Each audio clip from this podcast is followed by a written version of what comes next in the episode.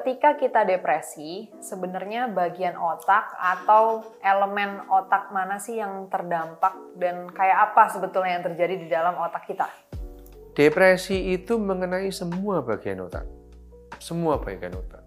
Mulai dari apa namanya? Mulai dari memori sampai persepsi sampai namanya konstelasi tentang judgment, pengambilan keputusan, itu semua terganggu semua mengalami ketidakteraturan. Yang terjadi adalah kekacauan neurotransmitter, kimia di otak. Itu yang jelas ya. Dan kekacauan kimia otak ini mempengaruhi semua bagian otak. Seperti tadi, mulai dari memorinya.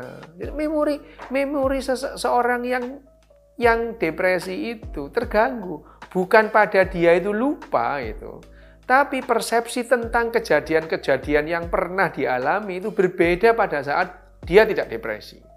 Berbeda, ya.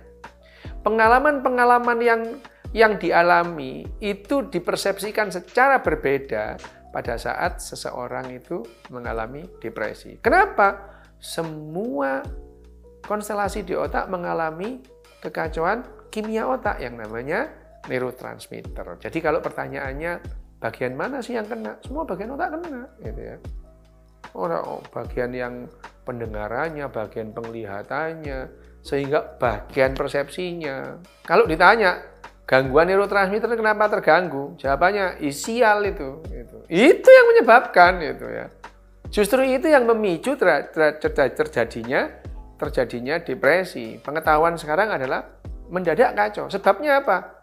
Tidak jelas itu ya bahkan tidak dipicu oleh tidak dipicu oleh mood apa pun itu. Orang bisa depresi dalam kebahagiaan, orang bisa depresi dalam kesedihan, bahkan tanpa kesedihan, tanpa kebahagiaan orang bisa depresi. Apakah depresi itu bisa menular atau bisa diturunkan? Dan satu lagi, apakah depresi bisa memengaruhi gen? Depresi bukan penyakit menular, gitu ya bahwa melihat orang depresi itu bisa memicu seseorang yang bakat depresi itu jadi depresi bisa. Bisa itu ya. Melihat orang depresi itu ya terus kemudian orang yang bakat depresi bisa jadi depresi bisa.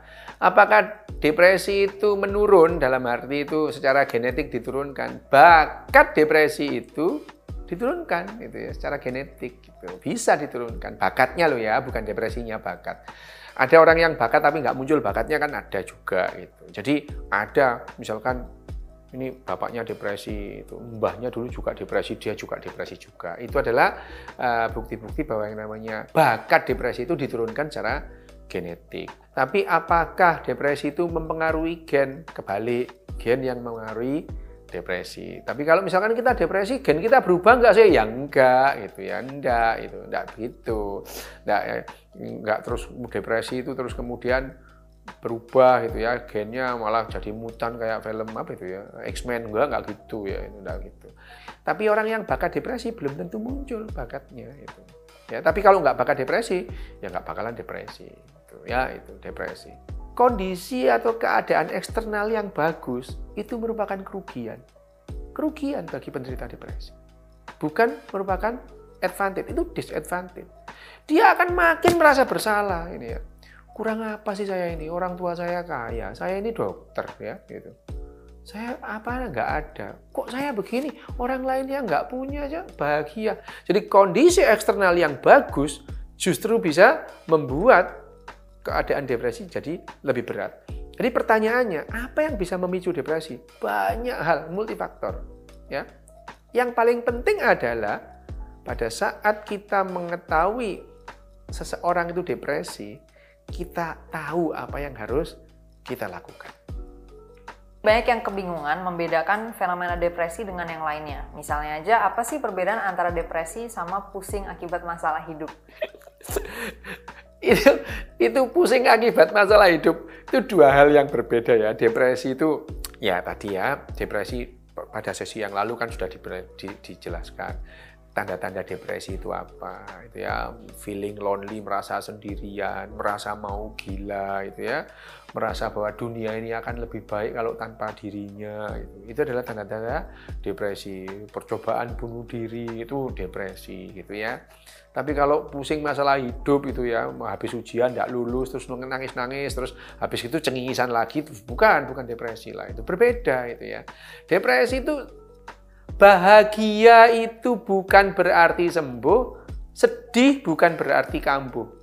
Orang bisa depresi dan gembira pada saat yang sama. Ya, jadi masalah hidup itu biasanya kan sering kali terus kemudian dia kecewa karena tidak lulus ya, gajinya nggak naik-naik ya, tagihannya banyak itu.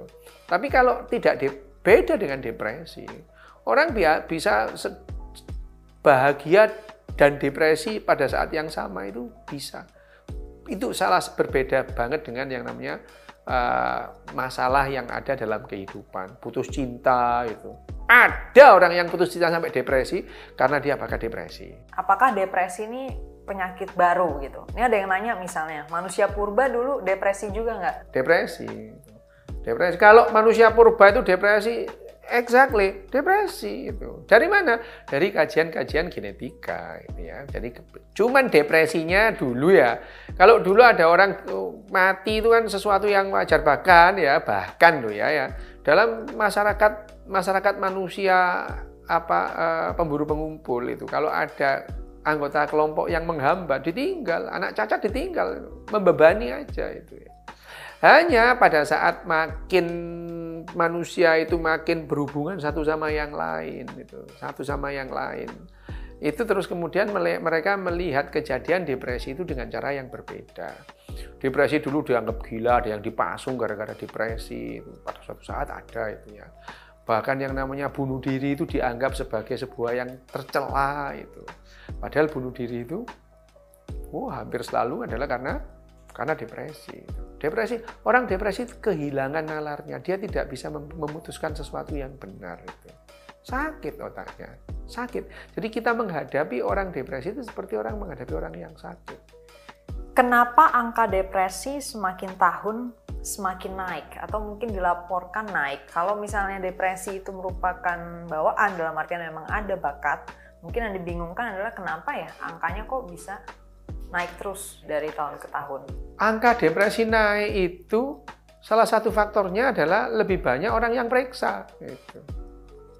Lah, kalau dulu orang depresi tidak merasa kenapa-apa, tidak pernah dok, kontrol ke dokter, bagaimana dia di, bisa dicatat sebagai sakit itu.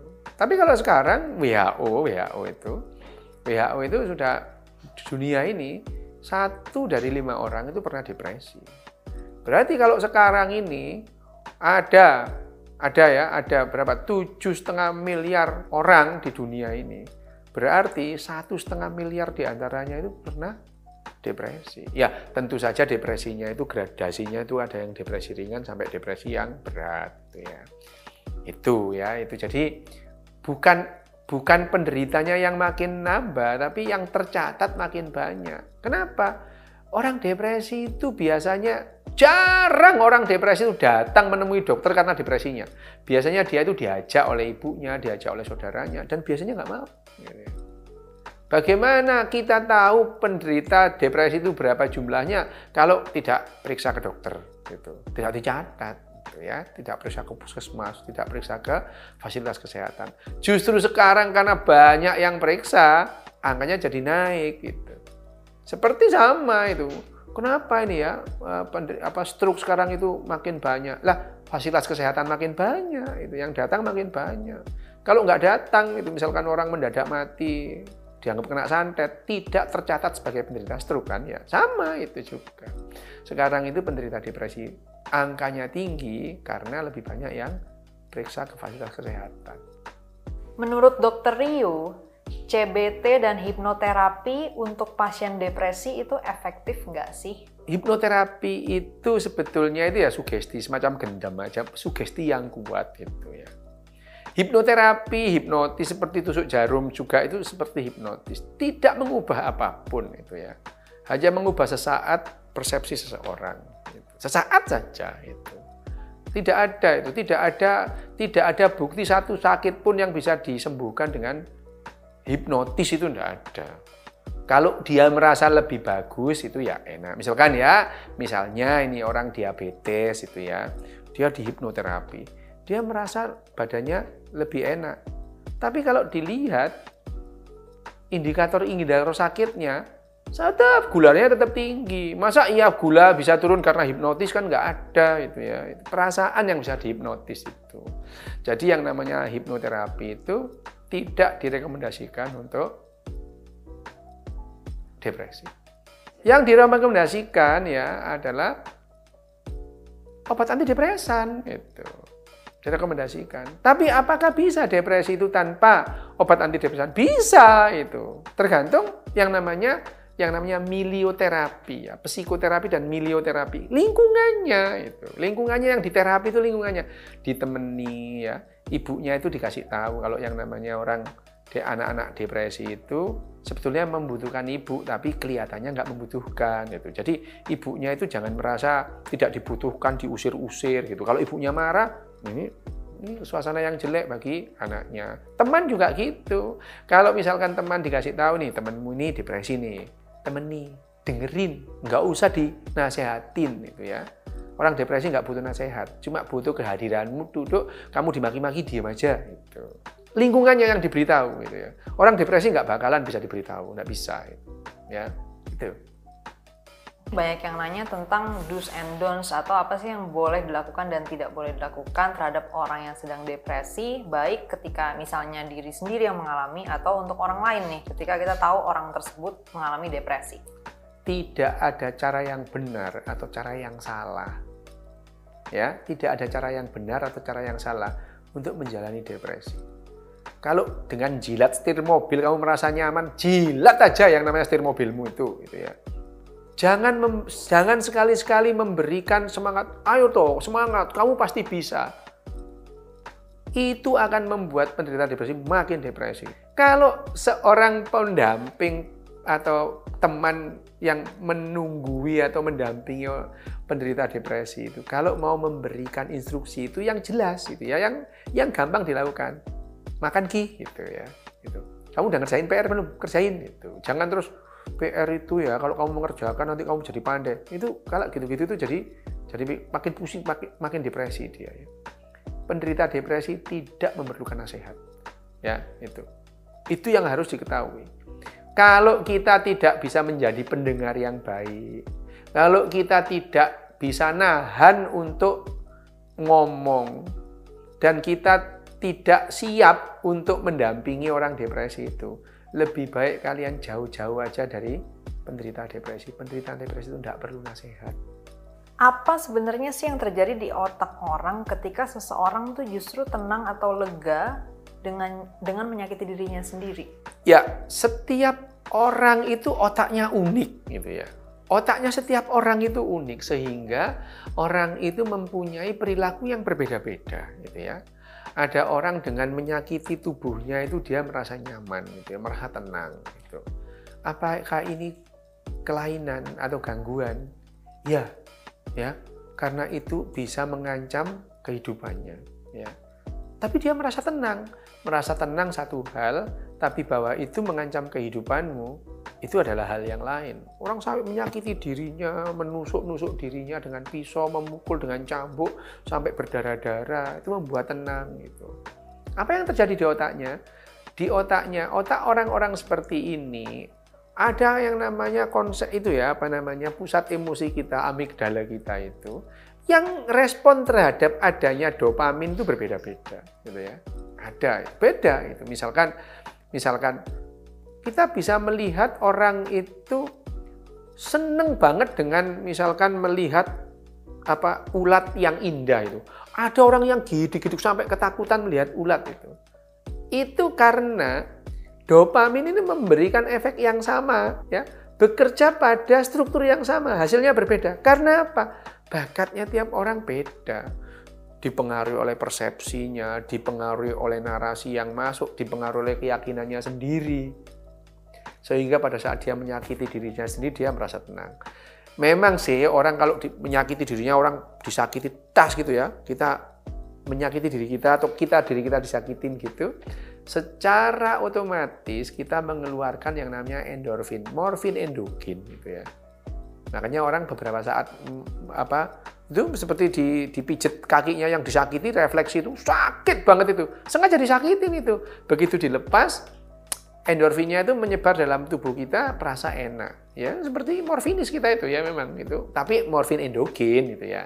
Nah tenang itu sendiri. Beda dengan morfin. Biasanya tenang itu kalau kemudian orang eh, tenang itu bisa karena euforia karena internal bliss. Kalau internal bliss itu karena ada yang namanya reseptor CBD 1 dan 2 itu yang yang kemudian merespon nyeri itu terus kemudian uh, ada kanabinoid endogen kemudian yang dia bisa menjadikan tenang. Dasarnya apa? Sakit tadi itu. Itu respon supaya orang itu tidak terlalu menderita karena nyerinya. Depresi itu penyakit psikologis atau biologis? Yang namanya psikologis itu ya hasil dari biologi. Jadi kalau pertanyaannya eh, depresi itu penyakit psikologis atau biologis, ya memang sakit psikologis, tapi ya perlu diketahui yang namanya psikologis itu hasil dari kerja otak. Otak kita itu biologis, jadi ujung-ujungnya ya memang biologis itu. Depresi itu akan hilang sama sekali kalau biologisnya orang sudah selesai alias mati, selesai karena biologinya nggak kerja lagi, ya. Sampai di titik apa sih depresi itu bisa dianggap mengganggu dan mungkin perlu sampai dirawat di rumah sakit kah? Perlu dirawat di rumah sakit kalau sampai dia itu bercoba berulang kali menyakiti dirinya sendiri gitu ya. Terus kemudian sampai nggak makan ya, nggak mau makan, disuapin pun nggak mau, ya perlu diinfus ya supaya dia nggak mati gitu ya. Orang kalau nggak makan, nggak minum tiga hari mati gitu ya.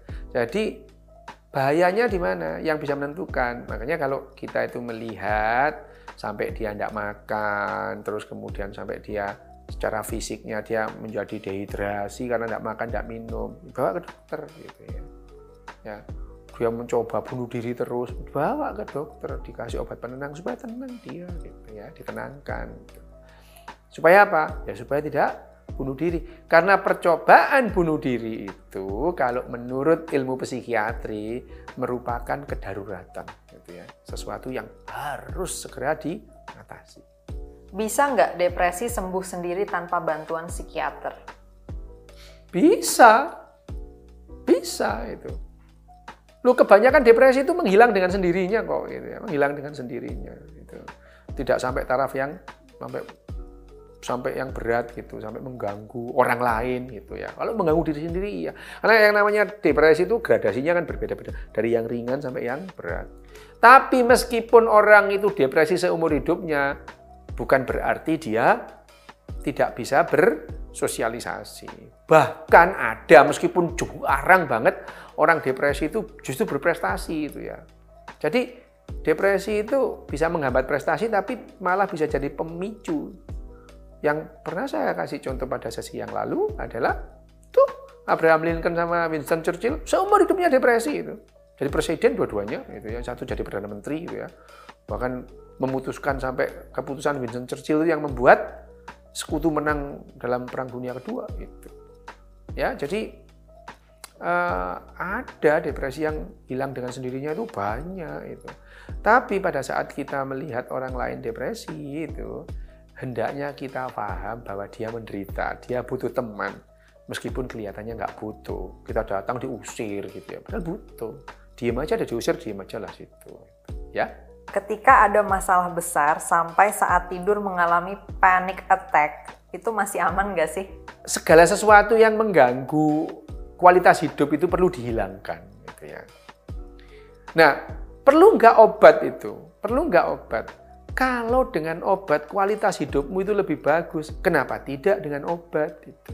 Ya, obat itu sekarang itu sudah bukan lagi kalau perlu jangan diobati, bukan itu ya. Obat itu sekarang justru untuk membuat manusia lebih bahagia. Memang agenda utama manusia sekarang itu mengejar kebahagiaan. Obat-obat dulu, obat Ritalin misalnya, obat untuk anak-anak autis seperti saya dulu itu digunakan untuk autisme. Sekarang itu dipakai untuk meningkatkan prestasi belajar itu.